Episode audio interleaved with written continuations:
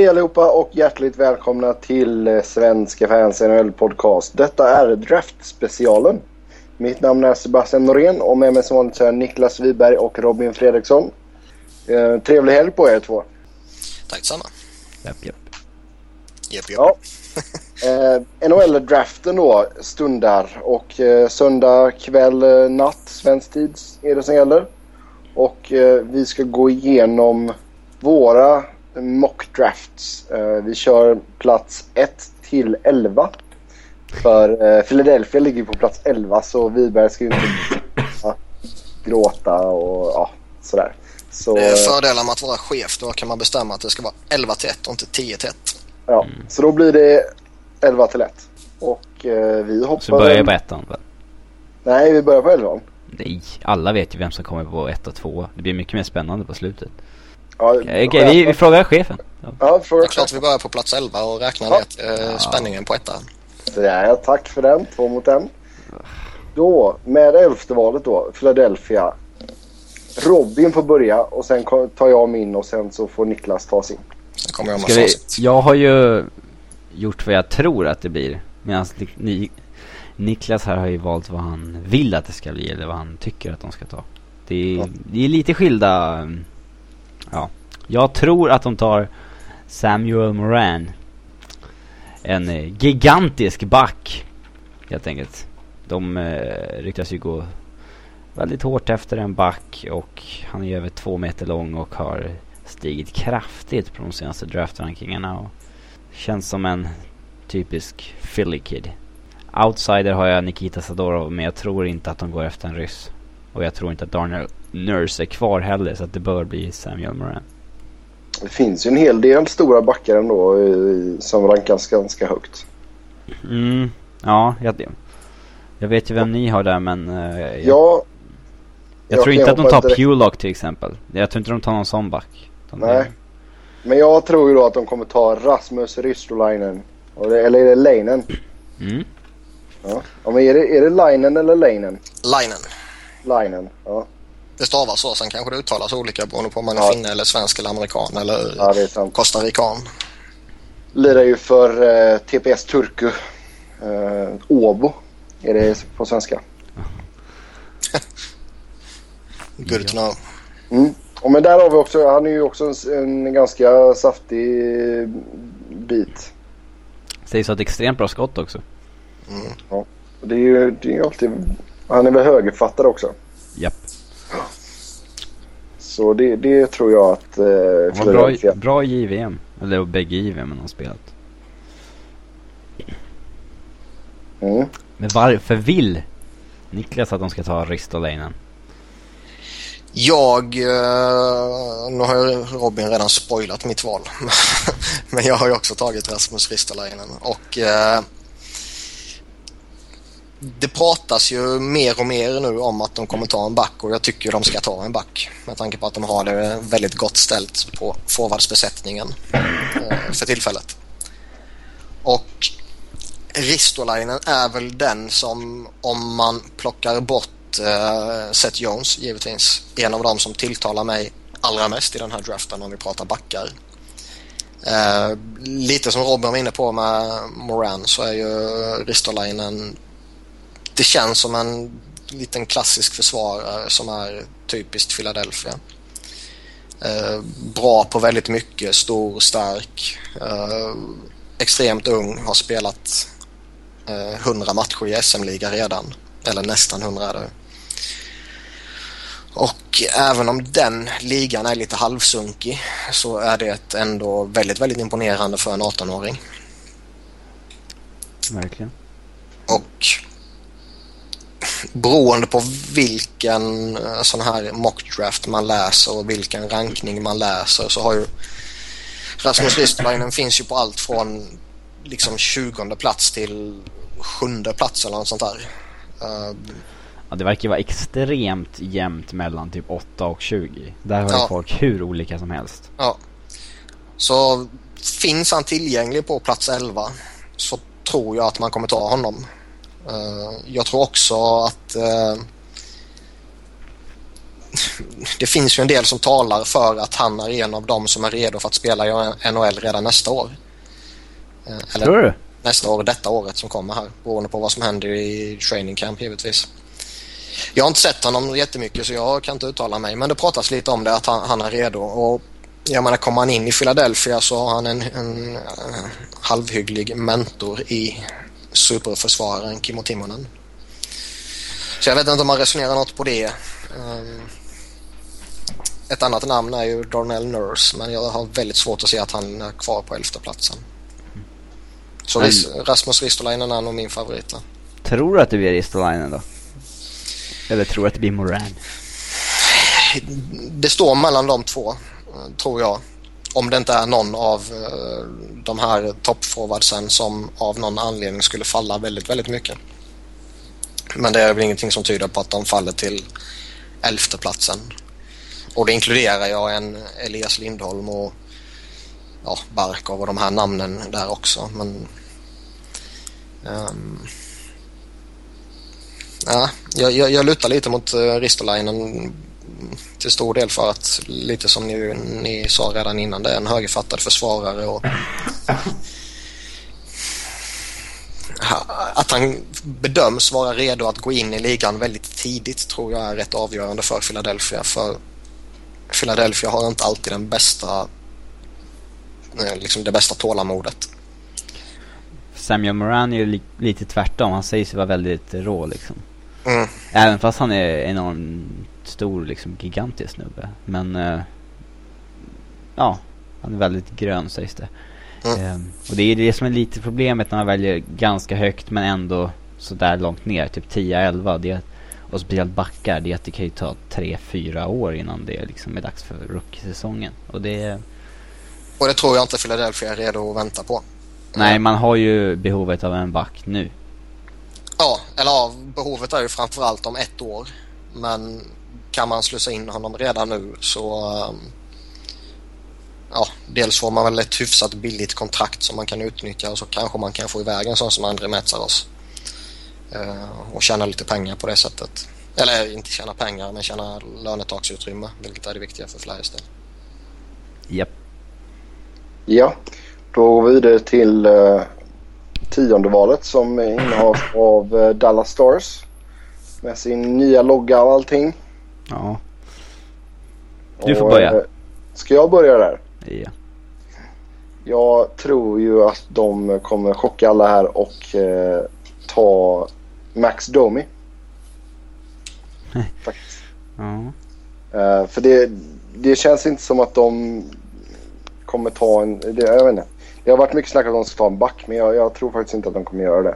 Det känns som att... Uh, jag menar nu tog man in uh, Gonchar och man har lite unga backar på uppgång och sådär. Så Max Domi tror jag skulle bli en bra fit i Dallas. Det, det verkar som att han är grymt bra på pucken. Han, eh, han ledde ju eh, London Knights i eh, scoring denna säsongen och eh, eh, verkar ju vara en total alltså eh, opposite av vad farsan var. Menar du det? Det är ju Ty, Ty Domis son vi snackar om här. Alltså det är... Ty hade ändå underskattat puck skills. Nej, jag ska bara. jag tänkte säga, va? Nej men alltså det verkar, alltså, han har fått goda omdömen av skribenter och sådär att han är en kille som, eh, som är bra när det gäller liksom. Och det, det är ju sådana spelare som Dallas behöver alltså.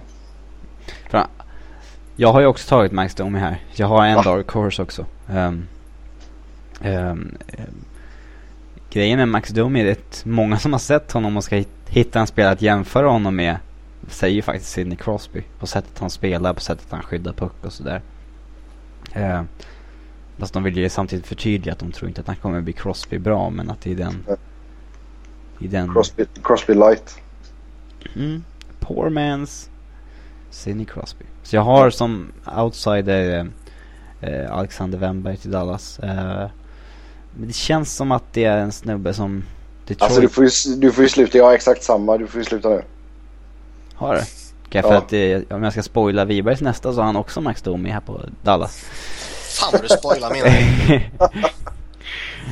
Men alltså Alexander Wemberg har... Eh, eh, eller Jim Nill som kommer från Detroit som jag tror har rätt bra koll på Alexander Wember via Håkan Andersson som sitter i styrelsen i Frölunda nu som har värvat Alexander Wennberg dit nästa år. Eh, och Jim Neal kom ju från Detroit nu i stort sett. Och eh, jag vet inte, jag har bara en känsla av att Detroit har haft en bra koll på honom ganska länge. Jag har sett eh, Håkan Andersson på Hovet ett par gånger och sådär men eh, ehm, Ja, Jim Neal har ju som sagt både Detroit och Dallas scoutnätverk den här gången. Vilket är lite fuskigt kanske men jag, jag har honom och Domi där som ja, lite dark horse. Mm. Ja, jag håller absolut med dig där. Så det, det känns ju inte som att Wemberg också skulle passa väldigt bra in i Dallas. Det tror jag. Ja. Ja, Niklas, Max Domi, vad är din motivering? Eh, ja, lite hopplock av vad ni sa egentligen. Jag, jag tror de kommer gå efter en forward. Eh, jag tycker att deras framtid på backsidan ser eh, alltså hyfsad ut ändå med typ Jamie och, och Lexiak och Joe Morrow. Och jag tror inte man kan ge upp om en sån som Alex Goligoski redan. Um, däremot ser väl framtiden bland deras forwards lite mer svajig ut. Uh, Jamie Benn och Louis Eriksson är givetvis något man kan bygga på kanske Radek Faxa också. Men utöver det så tycker jag inte det är jättemycket sexigt. Eh, och jag kan tycka att de behöver en, en forward som kan kliva in, om inte redan nu så i alla fall väldigt, väldigt snart. Um, och lite som ni beskrev honom tidigare så tror jag det är en som både nu och i framtiden kommer passa väldigt, väldigt väl tillsammans med framförallt Jamie Benn. Sen om man sätter Max Domi eller om man sätter någon annan random forward till Dallas det är väl egentligen sekundärt men om man tittar på lite vilka som eh, kommer gå före honom så känns det som att eh, Max Domi kan bli rätt eh, attraktivt med tionde valet. Mm. Yes. Eh, nionde valet då, New Jersey Devils. Och där kan Niklas få börja. Så att det inte blir någon spoilning. Ja. Vi ska, säga, vi säga det också att jag, jag vet inte era listor. Ni kanske har pratat med varandra men jag har ingen aning om era listor. Ja, Robin bad ju om facit från, från mig. Så. Mm. Nej, jag har faktiskt tagit eh, Nikita Sadorov. Eh, med viss tvekan för uttalet. Eh, och det är lite så att ryssfaktorn kommer alltid vara något som GMs funderar över när det vankas draft eller när det vankas free agency eller när det vankas en spelare överhuvudtaget. Men är det något lag i ligan och framförallt bland toppplatserna i den här draften som inte bör behöva oroa sig över den grejen så är det väl Devils kan man tycka. Om inte Ilja Kovalchuk nu är en riktigt svin på alla sätt och vis så bör väl många ryssar lockas av att spela med honom helt enkelt. Um, De har mycket jag... ryssar i allmänhet också. Lutjonov och Volchenkov och jag har haft mycket ryssar genom åren. Ja men det är det ju. Och jag tror väl också lite att New Jersey har väl inget superbehov av forwards heller. Utan tittar man på deras uh, prospects pool och hur deras nuvarande lag ser ut så är det väl en back de behöver in. Uh, ja, det ser väl inte jättesexigt ut där. Uh, Adam Larsson står ju still verkar det som och under honom vet jag inte om det är något som skrämmer på något sätt. Det vara Alexander Urbom. ja, och jag menar det är väl bara ett, ännu ett argument som jag kan lyfta fram. ja. Sen är det väl det här att de har tappat Zach Parise. Eh, de riskerar att tappa David Clarkson. Kanske är det någon faktor som spelar in på att man väljer att ta en forward. Mm. Men, men tittar man på hur det ser ut rent krast så tycker jag att en, en försvarare bör vara eh, prioriteringen. Ja. Då tar jag mitt val här och jag säger att de går efter eh, Zachary Fukale, målvakten från eh, Halifax Mooseheads. Mm. Och eh, om det är något som New Jersey behöver så är det ju en målvakt kan jag känna. Alltså den, för den dagen då Brodeur tackar för sig och lägger plockhandsken på hyllan. Vad fan har man ju Hedberg. Ja. ja. Han står redo att ta över. Äntligen ska jag få bli nummer ett. Eh, 45 år gammal. Eh, nej men alltså det, Fukala har ju fått väldigt, väldigt bra omdömen också. Robin sa det till mig innan här att var det Batten som hade sagt att han var den bästa junis, juniormålvakten han sett på 25 år. Ja, något sånt. Och att det Ja. är... Eh, inte sen Sidney Crosby har han sett en spelare som eh, är så överlägsen på sin position eh, under ett juniorår som han Mm. var. Och det känns väl ganska liksom, troligt att Devil skulle ta en, en framtidsnamn på målvaktssidan. För där har de ju inte så mycket och Brodeur, ja, han börjar ju bli till åren.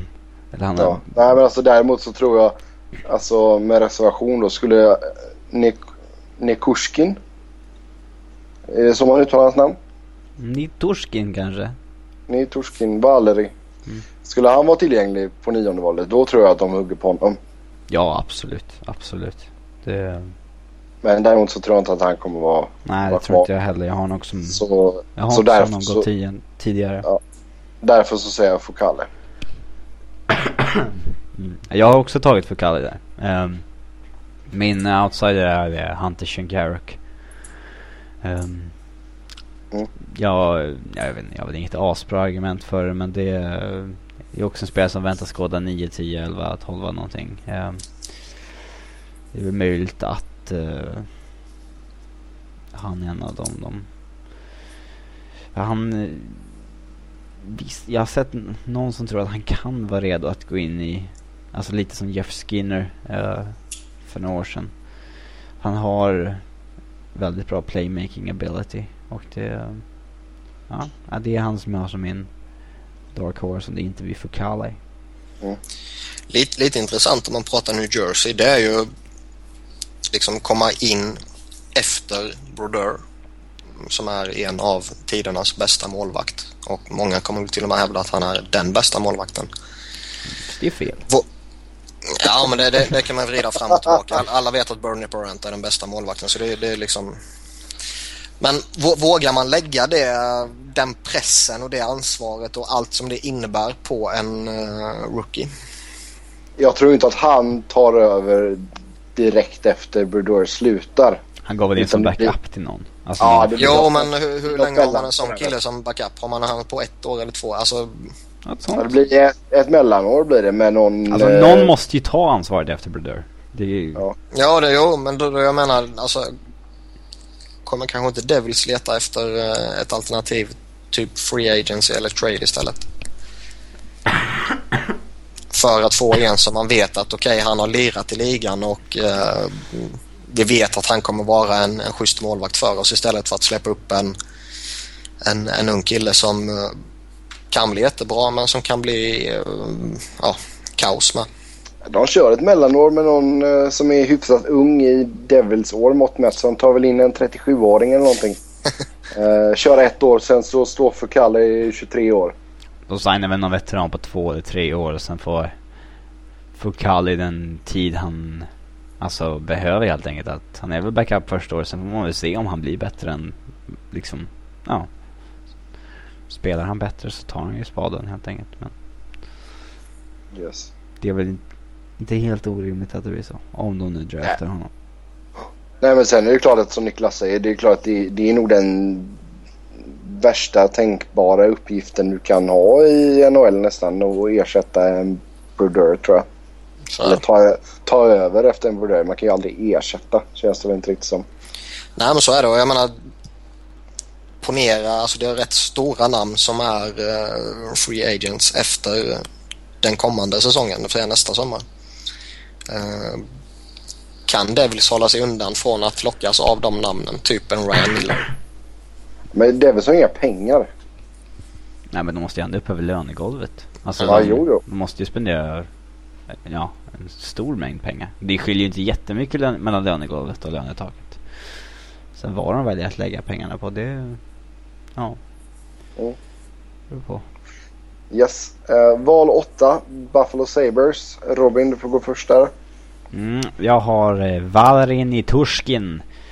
Och eh, det är ännu ett lag som inte har något problem med ryssar så är det ju Buffalo. De draftade Mikael Gregorenko i fjol och eh, Ehm, ja, jag tror inte att Nitorskin faller längre ner till, än till 8.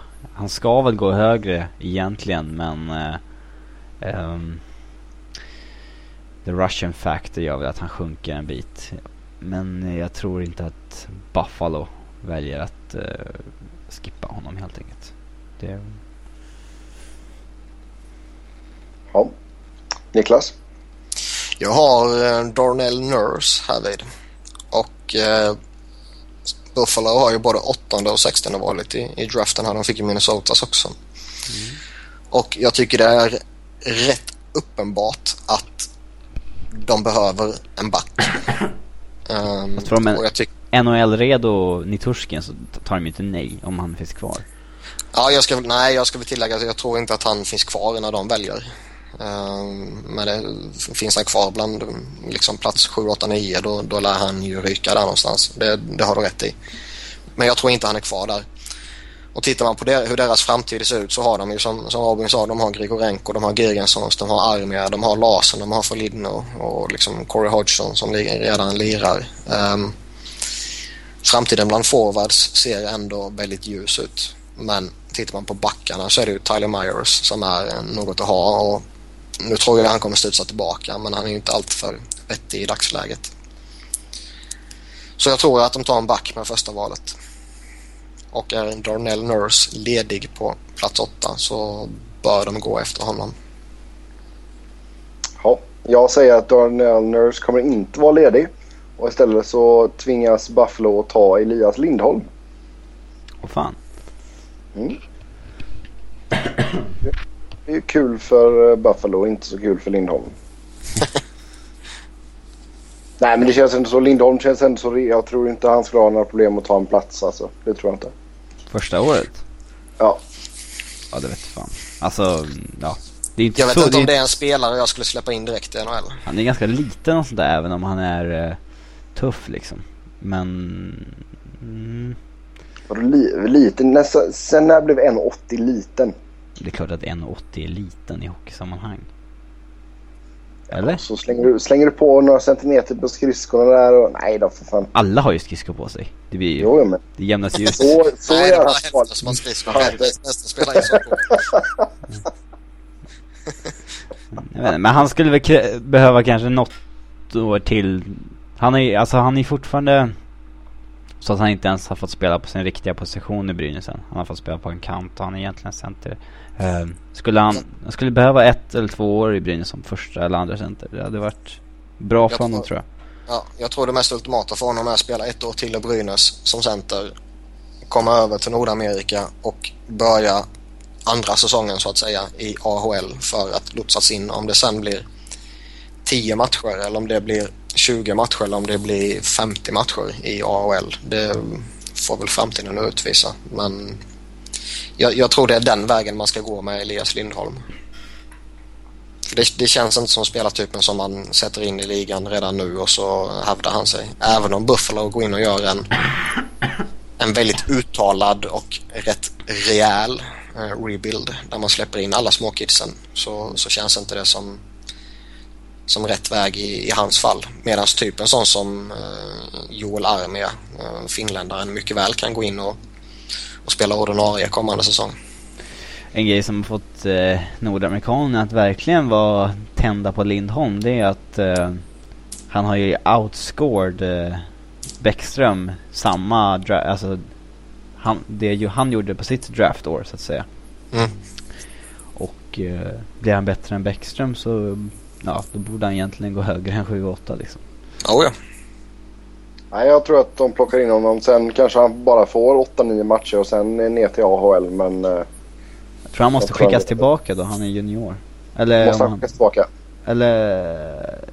Nej, eller inte måste men...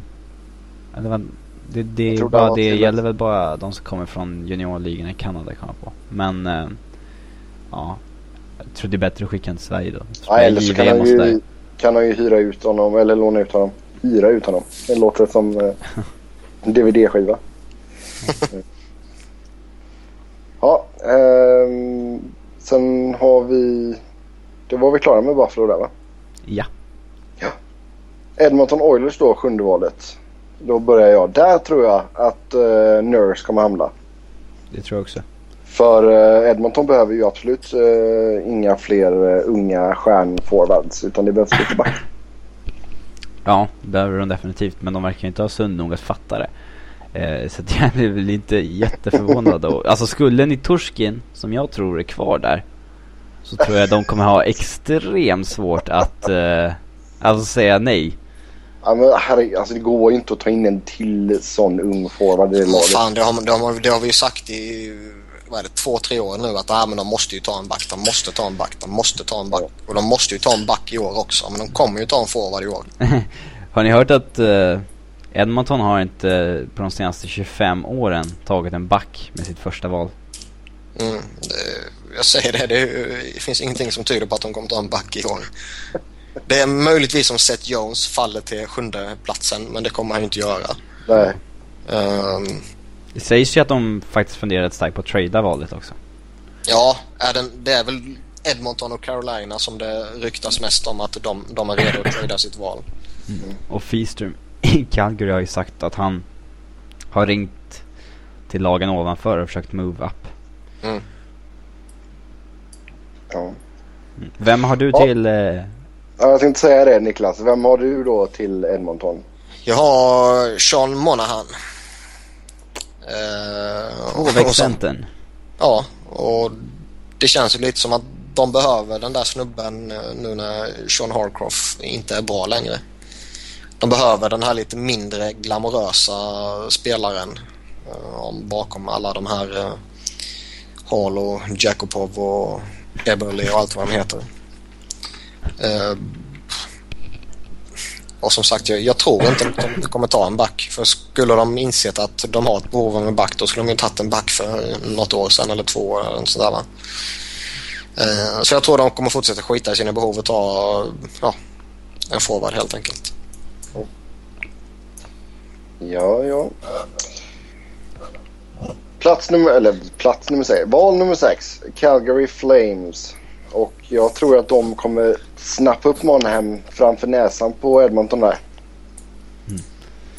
Och eh, Jag var inne på det först också men... Eh, eh, ja, det känns ju som en spelare som de... Ja, skulle behöva. De försökte ju ta O'Reilly i fuel på offer sheet och ja, Monahan sägs ju vara en ganska lik, liknande spelare. Ehm, ehm, om... eh, ehm, jag tror dock att de tar Elias Lindholm. Att han, jag tror att han, de, att de tar honom som sexa. Okej. Jag håller med Vem tror- Robin. Vem tror ni är mest redo att gå in då? Jag vet, jag tror inte ingen av dem spelar i NHL nästa år. Men det... Eh, jag vet inte, Lindholm sägs ju vara lite mer hard-nose player liksom. Så han har väl alltid lättare att gå in. Men eh, jag Det tror ingen av dem går in. hard-nosed i elitserien. Ja. Ja, men han, han är ju en ganska tuff spelare. Men, eh, Jo, jo det är han. Det var inte så jag menade. men eh, jag tror ingen av dem är redo. Men jag tror i alla fall att Calgary tar Lindholm som sexa. Okej. Jag håller med som sagt. Och det känns väl lite som att det är den här spelartypen de behöver. Eller de behöver i och för sig varenda jävla spelartyp som går att hitta. Eh, Ja, de har De ingenting kvar. nej, de har ju ingenting. Ja, för, förutom mediokre då, för det har de en hel del. ja, det har de väldigt många av. De har ju löst sina må- målskyttsproblem nu, när de- nu när de tog in David Jones. Så är det. Men de, de behöver ju i princip allting. Eh, Det som talar för att Lindholm kanske går det är för, för att jag tycker att de behöver eh, en topp 6-center som kanske till och med kan bli en första center. Eh, Det är något man alltid vill ha oavsett vilka behov man har, oavsett vad man väljer. Eh, Men frågan är inte om det ändå är deras största behov. Eh, Calgary kommer ju inte gå in och ta en back med det här valet, eller förlåt en målvakt med det här valet. Inte så tidigt. Även om Kiprosov slutar nu så tror jag de går efter en free agent eller en trade för att få en målvakt och försöker få någon som de kan ha i några år. Eh, och, istället eh, bygga framtiden bland eh, kanske framförallt forwards då. Och då, då tror jag en sån som Lindholm den spelartypen och den positionen och den rollen kan passa Calgary rätt väl. Ja, bra motivering där. Val nummer fem, Carolina Hurricanes. Robin, du kan ju ta starta där. Ja, jag tror att de tar Sean Monahan. Um, han har vi snackat om redan. Så att, uh, ja, ja, jag tror att han går där helt enkelt. Okej. Okay. Ja, Niklas? Här tror jag att uh, Valeri Nishkushkin, eller Nitushkin, ryker. Ja, um, jag håller med. Jag tycker väl att tittar man på deras behov så är det väl framförallt en back som Carolina behöver. Men jag tycker att i topp 5 eh, så finns det bara en back som är aktuell att överhuvudtaget tänka på och det är ju Seth Jones. Och jag tror inte han faller till plats 5. Mm. Darnell uh, Nurse verkar ju vara en bra bit efter faktiskt. Alltså ja. Det fanns, finns, ja. Alltså sen, sen är då alternativet att känner Carolina att nej men vi har det helt okej okay på både målvaktssidan och, och forwardsidan och vi vill ha en back. Ja då tror jag de kommer byta ner sig. Uh, och ta en back på plats ja, 8, 9, 10 något sånt där kanske. Eller kanske till och med lite lägre än att till och med 13, 14, 15 där liksom. Uh, men väljer de med sitt femte val så tror jag de tar Nitushkin. Och det känns ju som att det är en spelartyp som vore sjukt intressant att se jämte en av bröderna Ståhl. Mm. Kanske med Semin också på ena linen. Oh ja. Mm. Alltså det, han sägs ju vara, Button sa att uh, han var mest NHL-redo i den här draften. Mm. Men det är ju the Russian factor som kommer trycka ner honom ett par platser. Men jag tror, jag tror inte Carolina är så jätte oroliga för det. För de har ändå haft hyfsad framgång med sina ryssar. uh, och nu senast uh, Semin då givetvis. Ja, exakt. Ja, jag tror att, uh, jag funderade ju starkt på att ta honom där på Carolina också. Jag tror att det blir Carolina eller att han faller till Buffalo helt enkelt. Mm. Yes, och jag håller med Niklas där. Uh, ni Kushkin, ni Chuchkin. Ni får gärna ta och skriva in och berätta hur, hur man ska uttala det här efternamnet. För det är någonting vi kommer att behöva lära oss. Val nummer fyra, Nashville Predators. Och uh, jag kan väl ta och börja där och jag tror att det blir Jonathan Drouin. Han är väl uh, från Quebec tror jag. så Drouin Mm, säger ja. Patrick Ross sa någonting sånt där. Drouin. Ja. Drouin. Jonathan Drouin. Eh, kille som har spelat jäkligt bra tillsammans med eh, Nathan Mc McKinnon. Eh, imponerande att Halifax ändå så har tre stycken eh, prospects eh, som verkar gå sjukt tidigt då i McKinnon, Drouin, och eh, Foucault då. Uh, alltså Drouin sägs ju ha bäst händer och bäst hockey-IQ och liksom överlägset i den här draften. Ja, herregud. 105, 105 poäng på 49 matcher. Det spelar ingen roll i vilken juniorliga du, du lirar i. Det är ju bra siffror. Mm. Ja. Faktiskt. Mm. Ja, alltså han är överlägset den bästa poänggöraren. Mm. Uh, Niklas, du kan få gå näst här. Uh, ja, målvakt och backbesättning är ju säkrade för många år i Nashville. Um, där behöver man inte oroa sig det minsta och behöver inte lägga någon fokus alls på det känns det som. Um, jag tycker fokus bör ligga på forwards. Um, Tappade Kostitsin nu till KL också vad det verkar. Ja. Uh, forwardsbesättningen om man tittar för framtiden fick ju en, en rätt skön uppsving när man fick in Filip Forsberg till exempel. Um, har man chans att få in ytterligare ett toppnamn nu så bör man ta den chansen. Och jag tycker en sån som Alexander Barkov känns som klippt och skuren för Nashville. Ja, det tycker jag också. Ehm, den här klassiska tvåvägscentern. Eh, arbetar hårt åt båda hållen, kan producera hyggligt och redan nu kommit en rätt lång väg i sin utveckling. Han dominerar ju finska ligan av rapporterna. Ja. Så att säga. Ja. Och jag tror inte han är så långt ifrån en ordinarie plats i NHL. Och jag tror det också för en ung kille är rätt eh, ja, enkelt ska man inte säga men mindre svårt att gå in i NHL via Nashville. För där tror jag att eh, det är så pass uppstyrt och alla vet vad man ska göra och de, de spelar ett spel som jag tror är rätt tacksamt för att gå in och spela i. Mm. Ja, alltså det är rätt svårt att diskutera det här valet utan att nämna vad Tampa kommer göra. Mm. Ja, jag tror att Tampa kommer att ta Barkov. Ja, jag, jag hoppas att Tampa tar Druin och Preds tar Barkov. För det, det är så mycket mer logiskt att... Alltså Barkov känns som den perfekta Nashville första centern på sikt. Liksom den här tvåvägscentern som... De skulle ju aldrig kunna ha en renodlad offensiv center. De, det är perfekt för dem. Han säger sig vara ganska lik hans i Kopitar till exempel. Och Druin med Stamkos i Tampa. Det, det låter ju helt extremt. Um, jag tycker... jäkligt chill för Tampa. Ja. Ja, men jag, jag hoppas att det blir så. Det blir lite fel tycker jag om, om eh, den extremt offensivt skickliga Druin skulle hamna i Nashville. Det skulle vara, ja. Det lite vadå? konstigt. en, kille, en kille som kan bryta mönstret lite. Ja, men de tillåts ju inte göra det. Kanske är för att de inte hittar någon som är tillräckligt bra. De har haft rätt bra spelare ändå.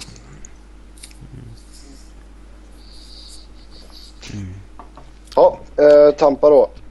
Druin! Då tror ni på Drouin och jag tror på Barkov. Med tanke på att man köpte ut eh, Le Cavalier. Ja, jag, Jag tror fortfarande att eh, jag tror fortfarande att Alltså, Druin den- Stamkos-grejen lockar för, för hårt tror jag.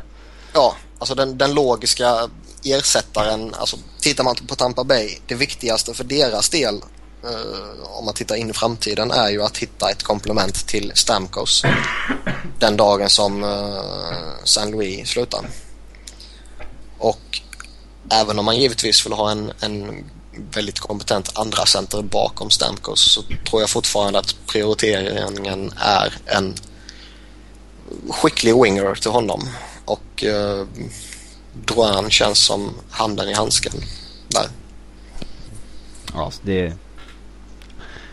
Jaha. Alltså stämmer rapporterna kring hur bra han kommer bli så känns det ju som att, ja, Druin med Stamkos kan bli en av en, en av ens farligaste radarpar. Jag tror inte man vågar liksom släppa den chansen.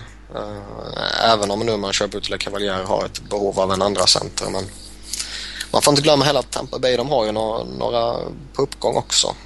Eh, även om de skickar iväg Conacher här så har de ju eh, vad heter han? Johnson va? Mm. Eh, eller är helt ute och cyklar nu som har gjort det grymt bra i AHL till exempel. Så de har ju lite täckning bakifrån också. Även om de skulle dumpa en sån som Ryan Malone också så har de ändå lite, lite skills som kommer eh, underifrån. De har Brett Connolly till exempel. Då. Jag tror att, att hitta den här eh, långsiktiga ersättaren till Martin Saint-Louis är ja, det viktigaste för deras del. Alltså jag tycker inte att ni väljer fel på något sätt när ni säger Drouin. Det tycker jag inte. Jag tycker inte man kan gå fel med någon av de topp fem egentligen. Som vi, eller, de som är rankade topp fem. Mm. Eh, det skulle funka i vilket lag som helst liksom. Eh, men eh, jag ser hellre Barkov i Tampa än vad jag ser honom i Nashville. Faktiskt. Men men. Robin, du höll med där med Drouin och eh, då är vi uppe på Florida Panthers an, som har andra valet då. Och eh, det är väl ganska många som har haft den här killen som nummer ett. Men eh, jag tror att de tar Seth Jones. mm, tror jag också. Jag tror, jag tror inte man eh, tar eh, Drouin eller McKinnon utan det är, man har Huberdeau. Det är framtiden offensivt och man behöver ju en back så det skriker om det. Ja, alltså de... Jag vet inte, de har Kulikov, Goodbranson, Petrovic. De har en Ja, men del... Good- Goodbranson, jag tycker inte han... Alltså... Alltså defensiva Ja, men- backar kommer alltid ha tufft första åren i NHL. Ja, Så ju. Men, eh, alltså det... Jag håller ju med om att de skulle också behöva en eh, första center helt enkelt. Och Mm. de skulle nog... Det sägs ju att de vill ha McKinnon. Men jag tror inte att Seth Jones faller mer än ett steg. Nej. Det... Craig Button kallar, kallar honom för den mest unika backen han har sett sen Chris Pronger och det är svårt att få ett bättre betyg. um, skulle man ha en franchise forward i Huberdo och en franchise back i Seth Jones så har man ju kommit en bra bit på vägen. Alltså det är också klart att man kanske lockas lite av att ha Druin där och para ihop honom med Huberdo men ja. En chans att ta en franchiseback är också rätt stor och det den tror jag inte man eh, nobbar. Man kan ju se det här på två olika sätt. Antingen så går man på allt snack som har varit hittills om att eh, Colorado kommer välja McKinnon. Eh, eller så går man på behovet som Colorado faktiskt har. Och behovet som Colorado har det är ju en back. Och det är ju Seth Jones då givetvis. Uh, nu tyder väl väldigt mycket på att man kommer ta McKinnon. Ehm, Colorado då. Så Seth Jones hamnar i Florida men det logiska är ändå att Nathan McKinnon kommer till Florida om man tittar på behovet på laget som väljer först. Mm. Och det håller jag med om. Men däremot så tror jag att man kommer inte... Jag tror inte att Joe Sakic eh, går ut och, och snackar massa för att sedan säga ja vi tar Seth. Nej, det är ju grymt respektlöst mot framförallt McKinnon. Ja. Mm. Um, men det, det beror på lite. Liksom, pratar man vad som man tror kommer ske eller pratar man om vad man tycker bör ske? Ja, ja. Om man, tyck, om man tycker bör ske. Om vi hade fått leka GMs. Om det är det vi gör ju. Ja, så hade jag ju uh, sett McKinnon i, i Florida och Seth Jones i, i Colorado. Mm. Jag vet inte vad jag hade gjort. Jag har oerhört svårt att välja. Um... Det är ju lite jobbigt för dig. Mm. Uh, men om du är tvungen att välja här nu. Florida väljer... Alltså. Jag skulle nog... Nej, jag vill, jag vill bara ha ett namn. Jag vill bara ha ett namn. Florida mm. väljer... Kniven mot strupen skulle jag nog ta McKinnon med risk eller rädsla för att Seth Jones är en ny Eric Johnson helt enkelt. Jag tror att det är det Colorado är rädda för. De kanske frågar Eric Johnson om hans input. Mm. Hörru du, det gick ju inte så jävla bra för dig. Tycker du vi ska ta en första back med vårt första val? ja, verkligen. Nej, men alltså att ha en eh, tokhypad forward känns ju alltid som ett mer safe pick än att ha en back. För backar är ju mycket svårare att, eh, ja, vad säger man, värdera eller i den åldern. Så framförallt så en, en back kan ju ta tre fyra år på sig innan man får en känsla om han kommer eh, bli en back för ett första par eller en back för ett tredje par. Mm. Medan man efter två veckor i princip kan se på en forward att okej, okay, this is the real deal. Mm. Ja, no, det ser Adam Larsson till exempel. Vi, mm. ju, vi vet ju inte Alltså Chris Pronger hade också två ganska anonyma första två år eller någonting när han var ganska kritiserad för sin character och sånt där. Det, ja. det är mycket som kan ske. Men eh, sen självklart spekulerades ju lite i att eh, Sakic och de har gått ut så hårt med McKinnon för att de vet att Florida vill ha honom och vill att Florida ska trada upp. Och de vill ha någonting bra i utbyte. Mm. Fast jag, de har ändå gått ut så ex extremt jävla hårt med till McKinnon nu så att de kan inte direkt byta och säga Portland Winnerhawks, Seth Jones på Nej, jag tycker det vore fruktansvärt respektlöst och jag tycker det vore jävligt korkat att göra det när hela organisationen är så pass färska på sina positioner liksom. Det är ju jävligt konstigt att ta en center när man har Duchene, Riley och Stasny. Det måste ja, man ju säga. Det är korkat. Jag fattar inte hur de tänker. Uh, det, är, det är ju Edmonton-känslan. Mm. Det enda som vore, alltså Det som vore Det enda som skulle göra det logiskt är väl att man Alltså man tradar på Stasny mot en back Typ För den Alltså nu säger de ju att eh, Patrik Roy sa ju att han skulle bli väldigt, väldigt, väldigt förvånad om de tradade iväg Stasny.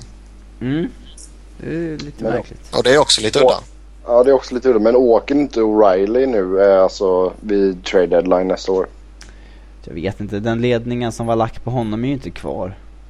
Nej. Eh, Det är klart att han har ju fortfarande ett jävligt jobbigt kontrakt som är svårt att signa om. Um, um, men om jag hade varit dem så visst, då hade jag tagit Mac...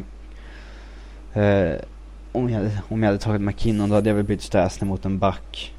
Uh, typ efter Free Agency. När uh, La Cavalier och de här signat med andra lag så att Stasnys värde går upp lite. Ja. Det är ju svårt att trade honom när det finns massa ute på free agent-marknaden. Ja, exakt. Man får kontakta de lagen som går bet på eh, ja, typ Ja. Vice och de här som... Ja. Eh, det sägs ju att man i alla fall har pratat med Toronto och frågat hur de, om de är intresserade av Paul Stastny. Eh, så att, eh, alltså, det här med att det, det är så logiskt att trada Stastny så att det är, jag vore oerhört förvånad om det inte blev så till slut. Eh, och Patrick Raw har ju sagt att O'Reilly är den som ska flyttas ut på forwardsposition och det vore ju helt sjukt. Alltså han är ju så mycket center som det bara går att bli. Eh, och så, ja, skulle han flyttas ut där för att man tar McKinnon då vore det jättekonstigt. Eh, så att, eh, alltså det är möjligt man kanske draftar McKinnon, byter Stasny mot en back. Och sen om något år kanske McKinnon spelar right-winger liksom, bredvid Duchene. Eller, mycket kan hända. Mm. man är, Ja, det är inte 100% säkert att han kommer vara center hela. Det finns ju många juniorspelare som är centrer. Eh, som sen, ja, får en annan roll i NHL. Patrick Kane är en av dem. ja honom har det gått helt okej okej för. Men det är ju ofta så i junioråldern. Den bästa spelaren ska vara center, den får mest puck och liksom får styra allting. Och, Sen är det alltid lättare att göra om en center till en winger än en winger till center. Så det, det har väl också sin, sin förklaring att det är så många centrar som byter. ja, verkligen. Verkligen. Eh, Ja, men eh, jag tror i alla fall att eh, Colorado kommer att ta McKinnon då. För det är som sagt, man, man har snackat för mycket för att man ska kunna backa ut från det.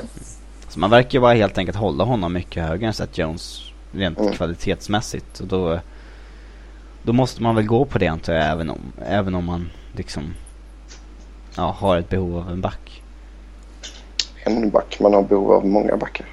Ja, men man tog in Corey Sarich igår så att det... Ja, grattis. Problem solved. Ja, exakt. Stanley Cup, here we come. Tengay är tillbaka också, grattis. mm, ja. Det var ju faktiskt ingen dålig trade. Nej, trevligt. Snart, har de tillbaka hela mästerskapslaget från ja, cirkeln slut. 02 eller vad det var. Ja, verkligen. Men eh, just, Foppa just den traden förresten, den eh, spädde ju på lite på, alltså ryktena om att de kanske vill ha Tangay i, som, eh, ja, playmaker till McKinnon. Mm. I en tredje line som de har sagt att McKinnon ska spela om han draftas.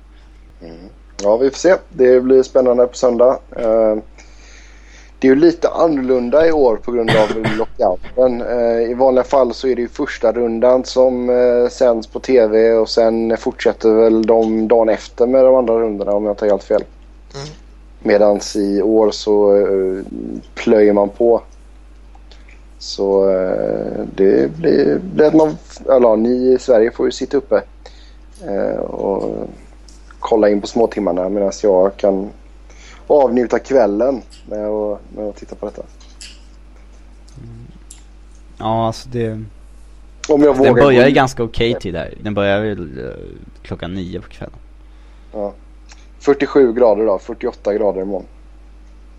Inte så farligt. Nej, det är inte så farligt. Man går ut och så smälter man lite bara. typ. Så vi får se. Eh, Förhoppningsvis så blir det lite svalare på söndag. 45 kanske. Men men. Eh, Hur länge, har någon sagt hur länge det ska vara? När det är, de ska köra alla sju rundorna samma dag? Det kan ju ta eh, en evighet. Det beror på. Alltså jag vet inte hur om de kör första rundan som, som de brukar göra med att alla lag ska ta en jävla tid på sig och bestämma och invänta eventuella tradeförslag och sen gå upp på scenen och säga att vi väljer den här killen och sen tar det en jävla tid innan nästa lag ska upp. Jag vet inte om de kör samma upplägg nu eller om de ska snabba på det ännu mer för att allting ska gå samma dag eller ja. Första rundan får väl nog samma upplägg tror jag. Men sen kommer nog Det vara, borde vara så. Sen är det som vanligt. sen, sen kommer nog vara ganska snabba med de andra. Ja. Det blir en jävla fart. Ja. Men eh, det sägs ju att det här är en draft där det kommer ske oerhört mycket trades. Alltså det är en sån draft. Det kommer ske, jag tror det kommer ske väldigt mycket inför draften och en, en hel del under draften också. Så det är inte bara under själva draften. Calgary och Columbus har ju tre val var. Det skriker ju liksom packaging. Att de tradar upp på något sätt. Att man Mm. slänger ihop två och tradar upp till exempel. ja, det är mycket möjligt. Tror att vi får se minst en av dem göra det i alla fall. Tar Columbus tre finländare nu då eller? Nej, det var ju Jarmo Kekkolainen som var en av dem i St. Louis scoutsystem när de tog Eric Johnson. Mm. men han verkar ha bra koll på Europa. Han har ju jobbat där i flera år. Så. att- Ja, exakt. Ja, vi får se. Uh, förutom eh, uh, Wennberg och, och uh, Elias uh, Lindholm så vem är nästa svensk på, på mockdraft-listorna? Ja, det står väl mellan Robert Hägg, eh, André Burakovsky, eh, Jakob Delaros. Um, Delaros är ingen spelare jag, eller han håller jag ganska högt, men Burakovsky håller jag inte särskilt högt alls. Um, han var ju oerhört på, högt på många listor inför säsongen, men föll ganska hårt. Um, Batten hade honom 58 till exempel. Mm. Det är ingen spelare. Robert Hägg då? Ja, han har varit lite upp och ner. Det är svårt att, det är svårt att bedöma sådana här spelare som Modo inte har gett chansen i A-laget. Ja. Har man bara lite så här, ja, ja U18 turneringar och sånt där att gå efter. och Det, de ser man ju inte allihop liksom. Nej. Jag tycker han imponerade lite när han var med i JVM då. Mm. Eh, sp- Spela enkelt, vet sina begränsningar. Eh, Ta sig inte för de svåra grejerna liksom. Utan att... Sen om det berodde på att han kom in väldigt sent i turneringen, det, det kan ha sin förklaring givetvis. Men Ja, jag, jag, jag imponerades av honom där. jag, jag sticker ut hakan och säger att André Burakovsky kommer inte bli ett jävla skit. Okej.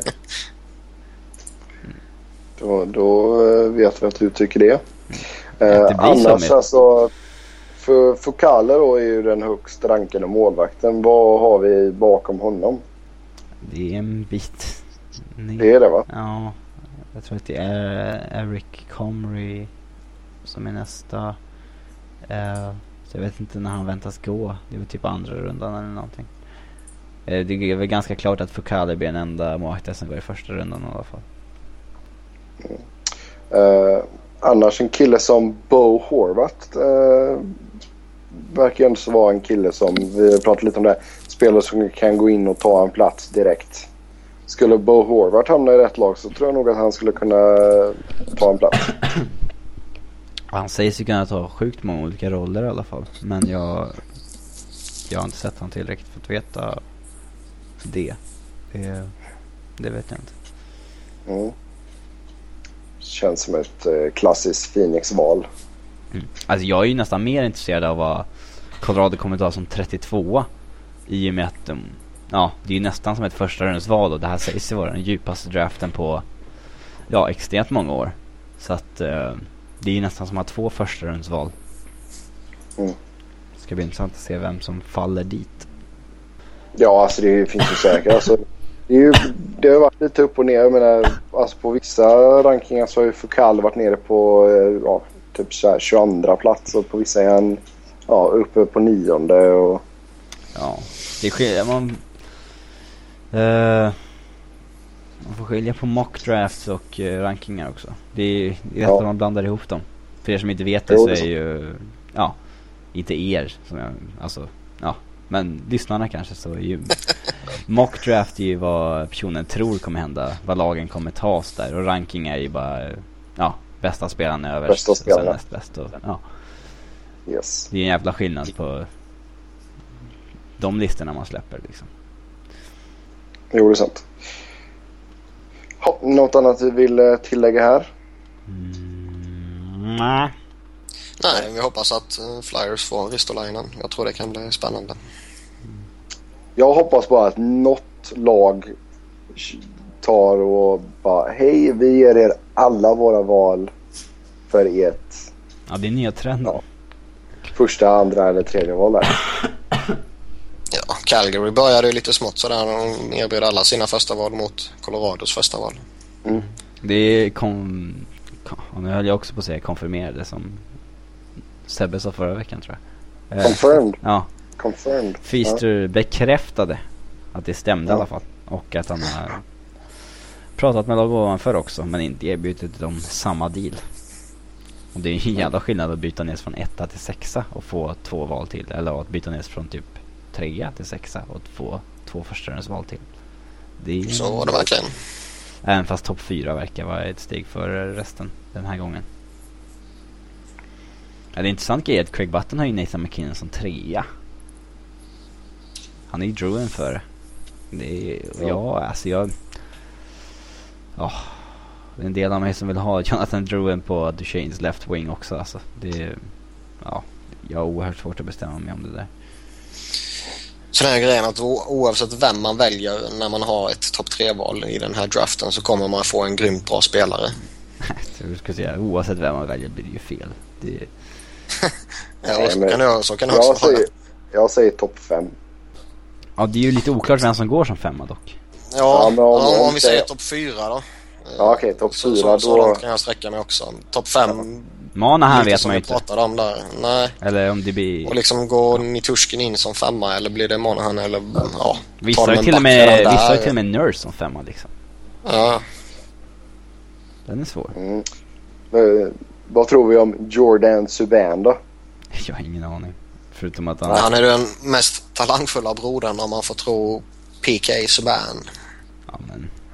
Men det var den yngsta stalbrodern var ju också den mest talangfulla enligt alla de andra bröderna och han har ju spelat i AHL hittills. Han fick ju någon match här förra året. Men det var ju mest, Mm. det var ju bara på grund av sitt namn. Ja, alla tre fick ju spela i samma kedja och fick börja matchen. Mm. Och det var en slump. Det var ju bara på grund av eh, att de hade bra kemi ihop, inte att deras namn. Nej, nej, mycket sjukt. Mycket sjukt. Ja men det skulle, det skulle ju vara lite konstigt om de inte hade bra kemi ihop i och för sig va? Ja, alltså det... Jar- Jared Stahl är ju inte närheten av en NHL-spelare. Han gjorde ju sju poäng fem, på 52 matcher i AHL. Och så blev han uppkallad bara för att spela med bägge bröderna en match typ. Fast det är ju, det är ju lätt för deras föräldrar ändå. De behöver bara åka till, eh, till två ställen. Ja. Ja, och sen när Mark Stahl blir eh, free agent om, om det är två år eller vad det är så kommer väl han signa i Carolina också. Ja, de behöver ju inte spränga banken för att, jag, för att han ska komma dit i alla fall. Nej, det känns så. Han får, han får bara lite pengar under bordet av de två av de andra bröderna. eller? Så löser sig det. De bara, nej vi signar honom på eh, sju år, 1,5 miljoner capita. Tada! Ja, nej, vi ser fram emot en spännande draft som sagt. Robin, du behöver ju inte eh, liksom eh, våndas så länge med tanke på att Colorado ens har första valet. För jag kommer ju sitta spänt och vänta på 32 valet. Det är på vilka som faller av de här spelarna. Ja, För det, är- det blir kul att... ja, det kan ju som sagt bli en riktigt, ri- riktigt jävla vass spelare. Har, Ja, har. Philadelphia kvar sitt andra eller? Att de har alltså 40... 41. Ja, Ja det är också... Ja det är en bit... Jordan Subban är faktiskt 41 på Craig Buttons ranking. Så att... eh, Och du, du, du gillar ju brorsorna så att... eh, ja, mycket. Nej, men alltså. De valen är helt omöjligt att säga om att jag tror man kommer ta honom. Alltså, Ja men det finns ju de som tror att Robert Hägg är kvar och han sades ju att Flyers gillat lite. Eller i alla fall de frågade ja, ja, de har spanat mycket på honom verkar det som ju. Men just liksom att det, det är sån osäkerhet vilka som kommer vara tillgängliga så fort man kommer, eh, alltså så fort du kommer utanför typ topp 35 om man säger så. För det, man har alltid en liksom hyfsad koll på, ja men de här kommer nog gå väldigt tidigt i andra rundan. Mm. Men därefter känns det verkligen som att det kan gå precis hur som helst. Där har ju oftast lagen kanske hittat en specifik favorit och liksom har du 41 valet så kanske den där snubben egentligen är rankad på plats 49. Eh, Men man tilltalar sig extremt mycket av honom. Så tar man honom, ja du vet, sådana grejer. Så vet man ju inte alls vad andra ska ta heller så man vågar ju inte chansa. Man har ingen aning om något lag har den spelaren man själv gillar i fjärde rundan eller sjunde. Nej, så är det ju. Eh, Så det, det blir som gör det lite osäkert att tippa och förvänta sig grejer i, mm, på de valen och sen efteråt. Yes. Ja, jag antar att vi alla tre kommer uh, twittra under draften. Så vill ni snacka hockey med oss under draften och, eller annars så... Uh, så vågar man kolla Twitter, det, det kommer vara så att det avslöjas där före för att streamen ligger efter typ. Ja, exakt. det är ju det värsta. Så uh, följ oss på Twitter. Mig hittar ni på att sebnoren. Niklas hittar ni på att Niklas Wiberg, Niklas med C och Robin på R underscore Fredriksson. Tills nästa vecka så får ni ha det jättebra. Så hörs vi. Ha det gött. Hej! Hej!